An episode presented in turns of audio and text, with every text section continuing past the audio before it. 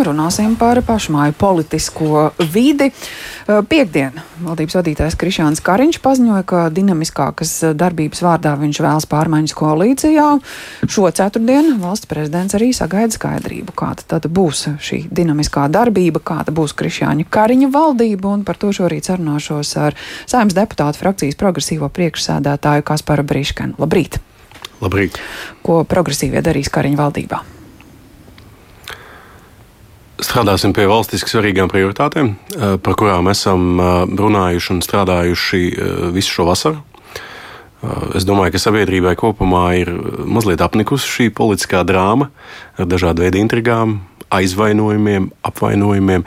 Es domāju, ir pienācis brīdis tādam nopietnam darbam. Ja ir iespējams izveidot jaunu koalīciju, un šobrīd notiek konsultācijas, tad šai jaunajai koalīcijai nekavējoties ir jāķerās pie jaunā valsts budžeta. Tā skaitā atsevišķās nozarēs pārskatot budžetu no nulles. Vienlaikus ir jādod uh, sabiedrībai pārliecība par to, ka mēs uh, mazināsim dzīves dārdzības, ļoti augsto ietekmi īpaši uz sabiedrības neaizsargātākiem iedzīvotājiem. Tā skaitā redzot, ka tuvojās arī apkurss sezona. Līdz ar to progresīvie ir gatavi ar šiem jautājumiem strādāt. Es domāju, mēs arī savā darbā saimā esam parādījuši savas idejas. Ja būs iespēja uz mums pieņemamiem noteikumiem iekļauties eh, potenciālā eh, topošā koalīcijā, eh, mēs noteikti izvērtēsim šādu iespēju. Ar ko kopā strādāsiet? Kas būs tajā koalīcijā jūsu partneri? Ar ko jūs saredzat idejiski pieņemam tālāko ceļu? Ministrs prezidents uh, uz sarunām uh, jau vasaras sākumā aicināja piecas partijas. Diemžēl uz šīm sarunām, kā rezultātā, nu, teiksim, visu vasaru notika aktīvs darbs uh, pie, pie politikas prioritāšu definēšanas, piedalījās tikai trīs partijas.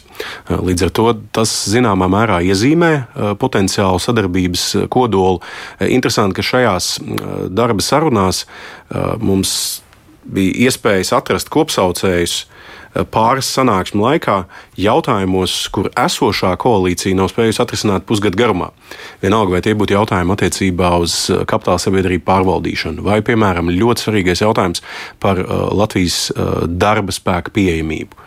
Tas nav stāsts tikai par to, kā mums piesaistīt gudrākos prātus, bet arī sezonālus viestrādniekus, piemēram, būvniecības nozarē, bet tas ir stāsts arī par to, kā pilnvērtīgāk Latvijas darba tirgu iesaistīt tos cilvēkus, kas šobrīd nevar aktīvi iesaistīties. Vai tie būtu jaunieši, vai tie būtu cilvēki ar īpašām vajadzībām, vai māmiņas pēc bērnu kopšanas atvaļinājuma. Un šajos jautājumos es redzu, ka uh, vismaz šim trīs partiju kodolam ir lielāka vienprātība un lielāka gatavība aktīvi virzīties uz priekšu nekā esošajā koalīcijā. Tā tad jaunā vienotība, progresīvie un ZZS? Tas varētu būt uh, kodols īpaši attiecībā uz, uz izdarāmajiem darbiem, bet, protams, ņemot vērā, ka tas, ir, tas sastāv tikai 52 balsis saimā, skaidrs, ka koalīcija būtu stabilāka, ja tur būtu vismaz vēl viens eh, sadarbības partners. Bet, nu, diemžēl, līdzinājās sarunās, arī pagājušās nedēļas, visu šī politiskā drāma eh, iezīmē, ka divas šīs partijas, kas savstarpēji ir sabloķējušās, eh, nu, izskatās, ka strādāt negrib. Lai gan es domāju, ka arī ministrs prezidents cerību nav zaudējis par to, ka patiešām ir izveidoties šis kodols, plus vismaz vēl viens no partneriem. Apvienotais saraksts.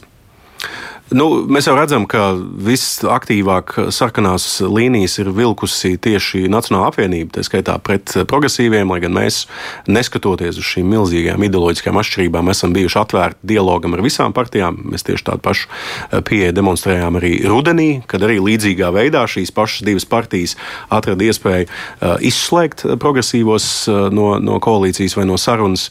Šobrīd izskatās, ka vismaz Nacionālajai apvienībai šī sarkanā līnija joprojām ir, ir dzīva. Līdz ar to man būtu grūti iedomāties, ņemot vērā arī to jautājumu spektru, ko jaunajai koalīcijai vajadzētu ienest, tā skaitā cilvēktiesību jautājumos, tā skaitā atbildot uz jautājumu, kā mēs varam mazināt neiecietību Latvijas sabiedrībā.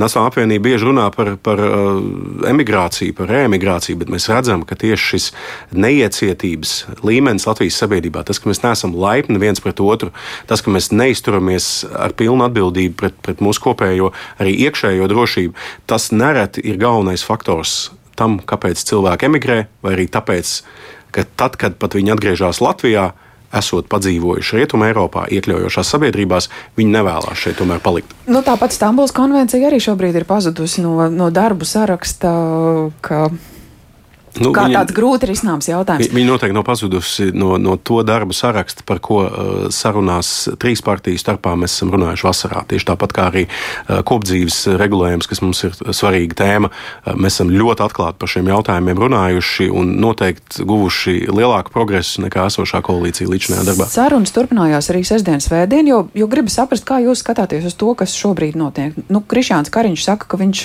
gribētu citus koalīcijas partnerus uh, vienlaikus viņš uh, nav nekā rosinājis šīs uh, esošās valdības gāšanu un darba beigas.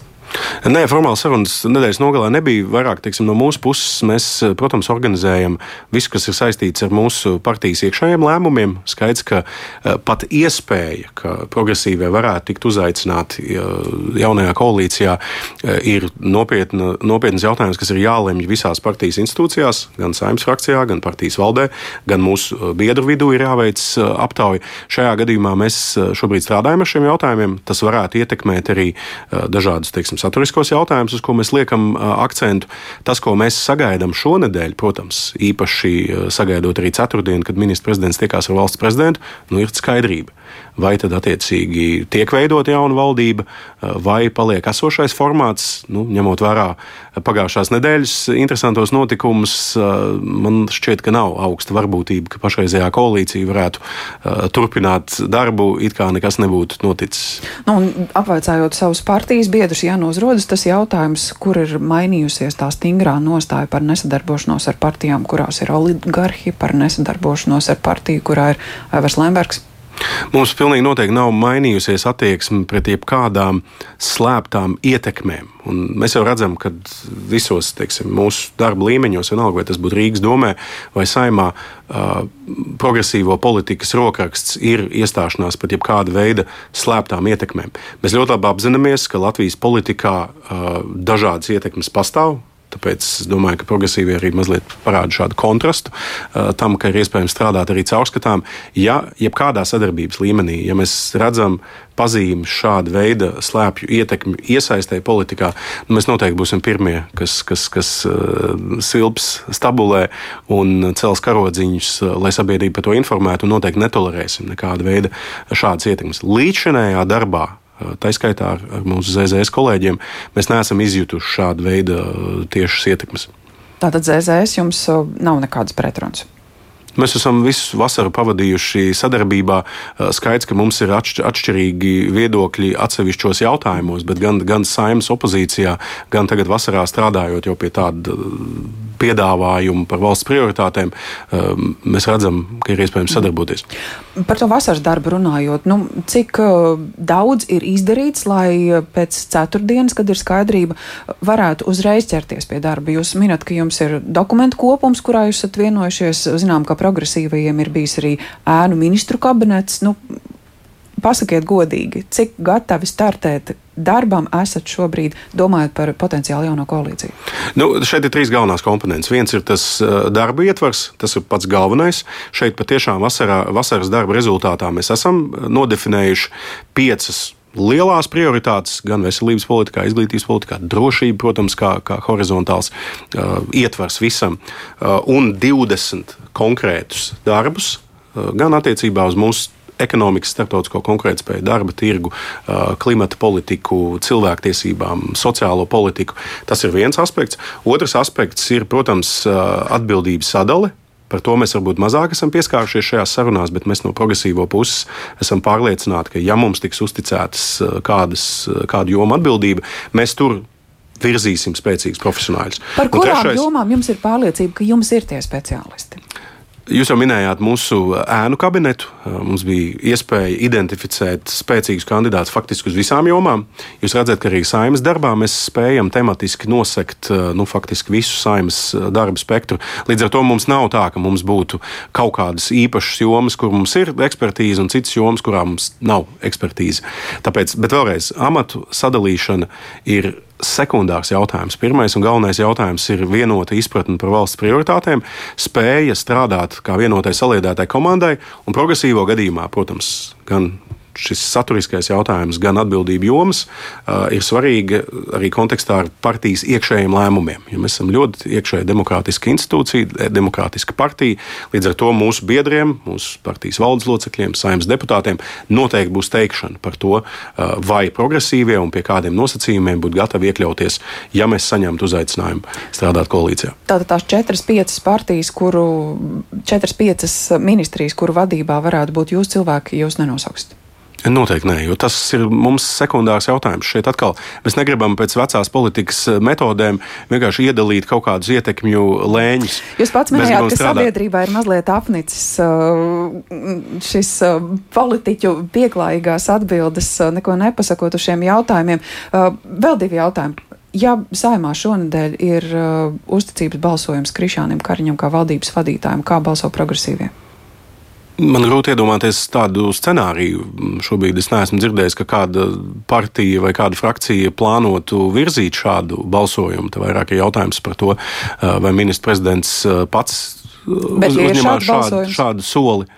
Nu, tad, protams, frakcijā spriedīsim, konsultēsimies ar, ar kolēģi. Šobrīd manā dienas kārtībā šāda jautājuma nav. Vismaz Un... šādā formulējumā. Šobrīd esat labās attiecībās ar jauno vienotību, runājot par valdību. Rīgas domē notiekošais um, nav nekā saskaņojams ar valdības līmeņa sa saprašanos. Protams, Rīga ir Latvijas ekonomikas dzinējspēks. Rīga nav tikai Rīgas pilsēta, pilsētas robežās, Rīga ir arī plašāka aglomerācija, metropole, eh, kurš, protams, sastāv vairāk nekā pusi no Latvijas eh, ekonomikas. Līdz ar to neapšaubāmi arī nacionālajā līmenī eh, Rīgas attīstība ir kritisks jautājums. Un šeit mēs redzam, ka vismaz vasaras sarunās un, un kopdarbā mēs šo Rīgas jautājumu no savas puses esam ienesuši. Jā, protams, ir bijušas nopietnas politiskas domstarpības Rīgas domas līmenī, bet nacionālajā līmenī, tajos jautājumos, kas saistīti piemēram, ar vienota sabiedriskā transporta sistēmas plānošanu Rīgas metropolē vai investīciju piesaisti Rīgā. Tur, es domāju, nacionālā līmenī mēs ar jauno vienotību varam atrast kopsaucējus. Un tas, ka Rīgas domē jūs paliekat opozīcijā, jūs neuztraucat? Nē, protams, uz, uztrauc nu, tīri kā politisks fakts. Skaidrs, ka rīzniekiem vislabāk būtu, ja esošie darbi tiktu turpināti. Nu, šobrīd mhm. šāda ir politiskā dinamika. Progresīvie šobrīd nepiedalās Rīgas koalīcijas sarunās, bet tas tiešā veidā neietekmē nacionālā līmeņa sarunas.